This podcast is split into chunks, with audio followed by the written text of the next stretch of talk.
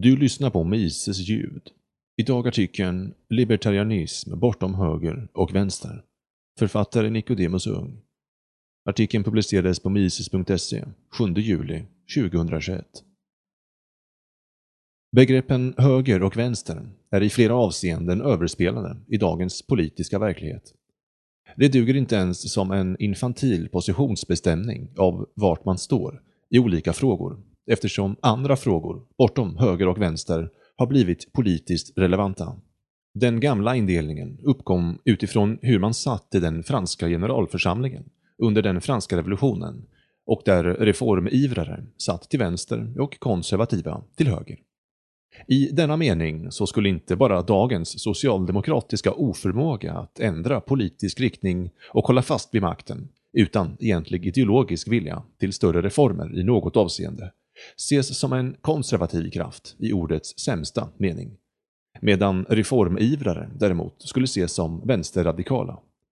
Om man idag vill detronisera konung Löfven och drottning Löf och genomföra radikala reformer så skulle detta rent krast räknas som en vänsterradikal åsikt betraktat ur detta perspektiv. Löfven-Löv håller ju stenhårt fast vid ett konservativt grepp där institutioner inte behöver förändras radikalt i något avseende. Inte minst Migrationsverket.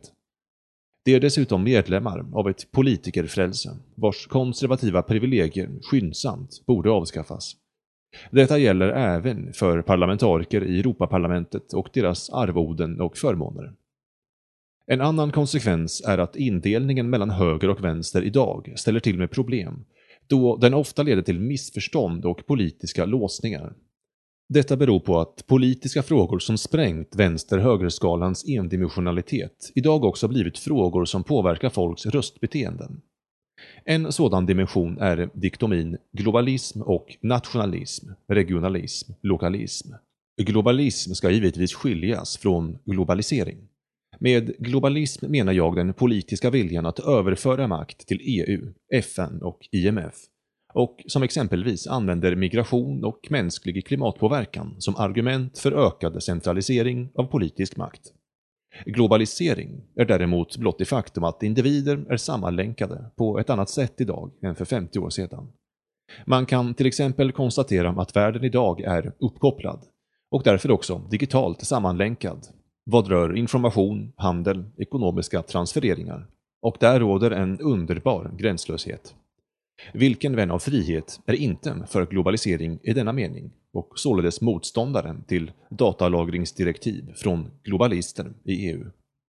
Men om man alltså är för globalisering, liksom också för avskaffande av tullar och andra mellanstatliga gränser för frihandel, måste man då också vara av nödvändighet för öppna gränser för människor? Är inte det helt olika frågor vid en närmare analys? Den moderna libertarianismens grundare, Murray Rothbard, insåg helt riktigt att gränser för människor är något som bara staten kan öppna, eftersom det i ett helt privatiserat sammanhang alltid finns gränser som uppstått genom den privata äganderätten.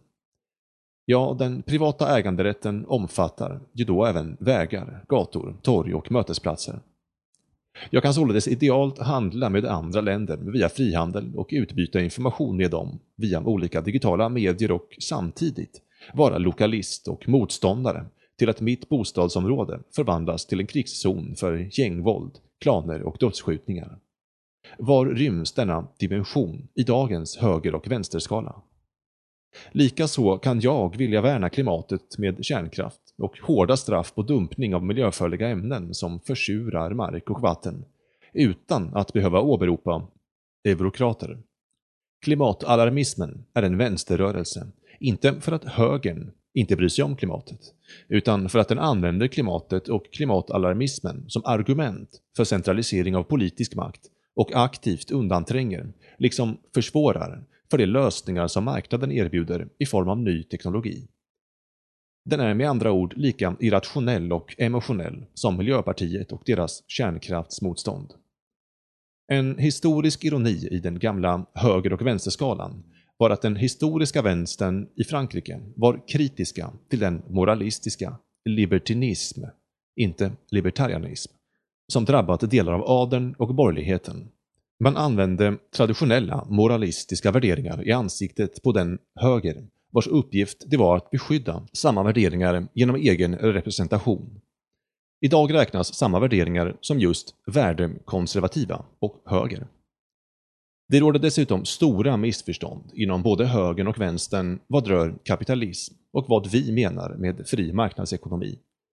I försvaret av en fri marknadsekonomi försvarar vi libertarianer inte de företag och friskolor vars försörjning kommer från det allmänna. Vi försvarar inte privata HVB-hem som blir försörjda via kommuner och inte heller friskolor som blir försörjda på samma sätt i utbyte mot att det följer Skolverket. Vi försvarar inte frihandel på EUs villkor, utan ser EU som både onödig för samma frihandel och tvingande genom direktiv om vad som får och inte får säljas, liksom hur det förpackas och säljs. Vi ser dessutom den fria rörligheten av individer, varor och tjänster som ett hot mot samma frihet eftersom den inte alls respekterar privata äganderätter och där det just är staten som påtvingar individer en gränslöshet vad gäller inflödet av personer till landet. Detta är inte kapitalism, utan dess motsats, om en klädd i liberala fårakläder. Finns ens en höger och vänster i svensk politik?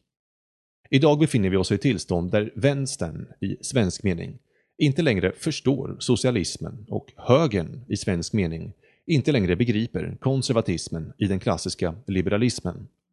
Socialdemokratin har gång på gång ställt sig totalt oförstående inför de farhågor som deras traditionella väljargrupper känner inför alla de problem som uppstått i mångkulturens och migrationens spår. Och högern, M och KD, har under lång tid bedrivit en lika migrationsradikal linje som Miljöpartiet. Ett parti Fredrik Reinfeldt dessutom gjorde upp med i samma fråga. Både M och KD, men också SD, är dessutom för EU och har psykologiska problem att samarbeta med Sverigedemokraterna, som i sin tur mest tycks vilja ha tillbaka ett socialdemokratiskt folkhem, som det såg ut innan riksdagen beslutade att införa mångkultur som politiskt ideal i riket. Inget parti i det konservativa blocket är idag mer radikala rörande migrationspolitiken än de danska Socialdemokraterna. Vidare är inget parti för den fria marknadsekonomins fundament, som ju utgår från respekten för privat ägande och inte från individers rörelsefrihet. Libertarianism bortom höger och vänster. Det finns i egentlig mening ingen högerlibertarianism och vänsterlibertarianism. Enbart libertarianism och det som inte är libertarianskt. Vi finner då att en konsekvent libertariansk position är förenlig med att individer och grupper av individer, här i råder ingen motsättning mellan individ och kollektiv, kan äga jord, mark och vatten tillsammans. Och att de som inte anser att de kan detta inte heller är libertarianer. Vi ser även att libertarianismen är den åskådning som går längst vad gäller tolerans för differens. Individer får leva libertinskt och i vilka relationer de vill. Detta innebär att hbtq-personer tolereras på samma villkor som heterosexuella. Men det innebär även lika stor tolerans för konservativa som anser att de förra lever omoraliskt och uttrycker sådana åsikter. Detta innebär att en religiös församling har rätt att viga exempelvis homosexuella par i lika stor utsträckning som en annan religiös församling har rätt att exkludera homosexuella par som medlemmar. Libertarianer måste försvara det lokala, då de alltid försvarar individens äganderätt över sig själv och hennes rättvist förvärvade egendom. Libertarianer måste således motsätta sig om en stat öppnar gränserna till de områden som individer äger gemensamt eller har historisk rätt till eftersom staten konfiskerat den från deras förfäder under historien. Libertarianer försvarar att individer kan skapa områden som är mångkulturella och libertinska och där individer röker cannabis hur och när de vill. Men de försvarar även att individer skapar områden som drivs efter helt andra principer och ideal. Libertarianer kan däremot inte anse att de kulturer som exempelvis svenskar byggt upp under historien och i frånvaro av en stark nationalstat var moraliskt felaktiga i de avseenden de inte använde våld och tvång. Våra regionala landskapskulturer med deras lokala identiteter visar med andra ord att individer i frånvaro av en stark centralmakt tenderar att skapa konservativa, lokala gemenskaper och sammanhang där familjen och kyrkan värderas. Libertarianer kan inte heller motsätta sig organiskt framvuxna ledare och auktoriteter i sådana sammanhang som valts lika frivilligt av människorna. Av denna anledning kan en viss form av traditionell monarki ses som en naturlig konsekvens av friheten. Det finns även områden som idag räknas som vänster som en libertarian måste försvara konsekvent. Detta rör ett konsekvent motstånd mot alla övergrepp mot individer på grund av deras kön, ursprung, funktionsnedsättning och klasstillhörighet. En libertarian måste försvara frivilliga sammanslutningar som fackföreningar och tolerera att individer kan komma samman för att äga markegendom och produktionsmedel gemensamt. Libertarianer måste tolerera att individer frivilligt avsäger sig privat äganderätt och ingår i kollektiv som exempelvis klostergemenskaper och arbetarkollektiv. Allt detta ingår i friheten och baseras på respekten för privat äganderätt. Libertarianismen går därför bortom höger och vänster i denna mening. Libertarianismen är, konsekvent tillämpad, transcendent till de politiska motsättningar som idag lamslagit svensk partipolitik.